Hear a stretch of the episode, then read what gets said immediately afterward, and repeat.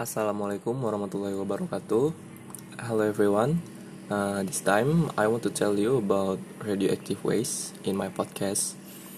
And actually, is it is, this is my first experience in making a podcast. So forgive me if there are still many mistakes because this is my first experience. So uh, before talking about radioactive waste, uh, for the first what is the radioactive waste? Yeah, radioactive waste is a type of hazardous waste that contains radioactive material. Radioactive waste is a result of many activities, including nuclear medicine, nuclear research, nuclear power generation, rare earth mining, and nuclear weapons processing. The storage and disposal of radioactive waste is is regulated by government agen agencies in order to protect human health and the environment that means that means radioactive waste is something that is dangerous of humans because it can interfere with human health. And also radioactivity is a waiting game as the toxic quality of the waste decreases over time measured in half-life of the time it takes for radioactive substance to reduce to half of its nuclear value, the time it takes for nuclear waste to neutralize varies widely.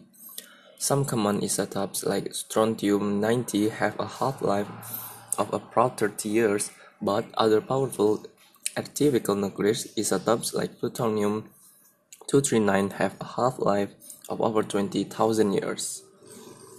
And also, is there any example of radioactive waste? Yes, of course there. Yes, of course there is. Um, scientist Enrico Fermi supervised the opening of the first nuclear power plant in 1942, and now the landscapes are dotted by mighty nuclear reactors.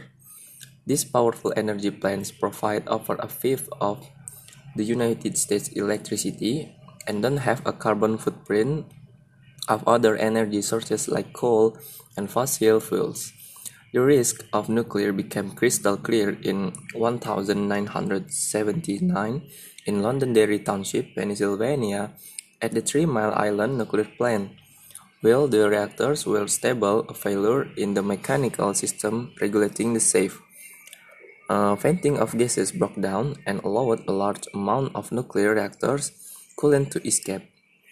The lead of a two-partial meltdown of reactor creating a major radiation leak near the city of Harrisburg. And also in our country, Indonesia, in the middle of February, Bapeten found radioactive waste in the vacant of lot of Batan Indah Serpong housing. So Bapeten and the police are investigating this case. In Monday, 24th February, in a house of a resident of Batan Indah housing, the initial S the police found various radioactive sources, including cesium-137. The discovery of the source of radiation in the house was the result of a police sweep supported by Bapeten.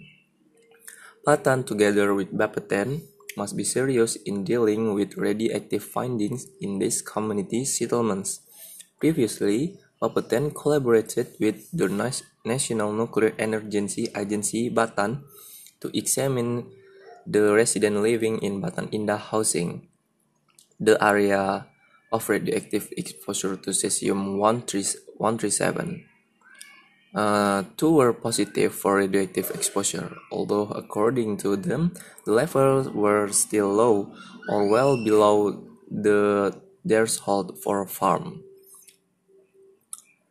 And then, so how to manage radioactive waste? Yeah there are many ways to reduce radioactive waste. It's like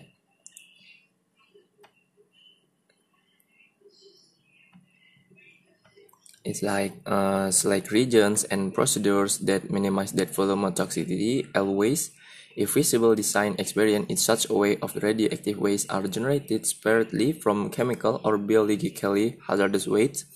And second avoid ordering radioactive materials in quantities that exceed your interest usage, and the third, limit the number of users that radioactive materials, and the fourth, limit the number of areas where radioactive material, material are used, and the fifth, substitute with short-lived radionuclides where feasible.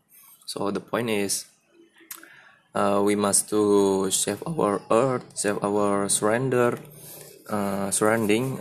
I, I I mean because um, our life to to we must make our life to be healthy. Okay guys um, i think that's enough for my podcast this time. Uh, i'm so sorry if my english is not it's so terrible or not perfect because i'm still learning too. Uh, okay i think it's enough. See you in another podcast uh, i end this podcast. Wassalamualaikum warahmatullahi wabarakatuh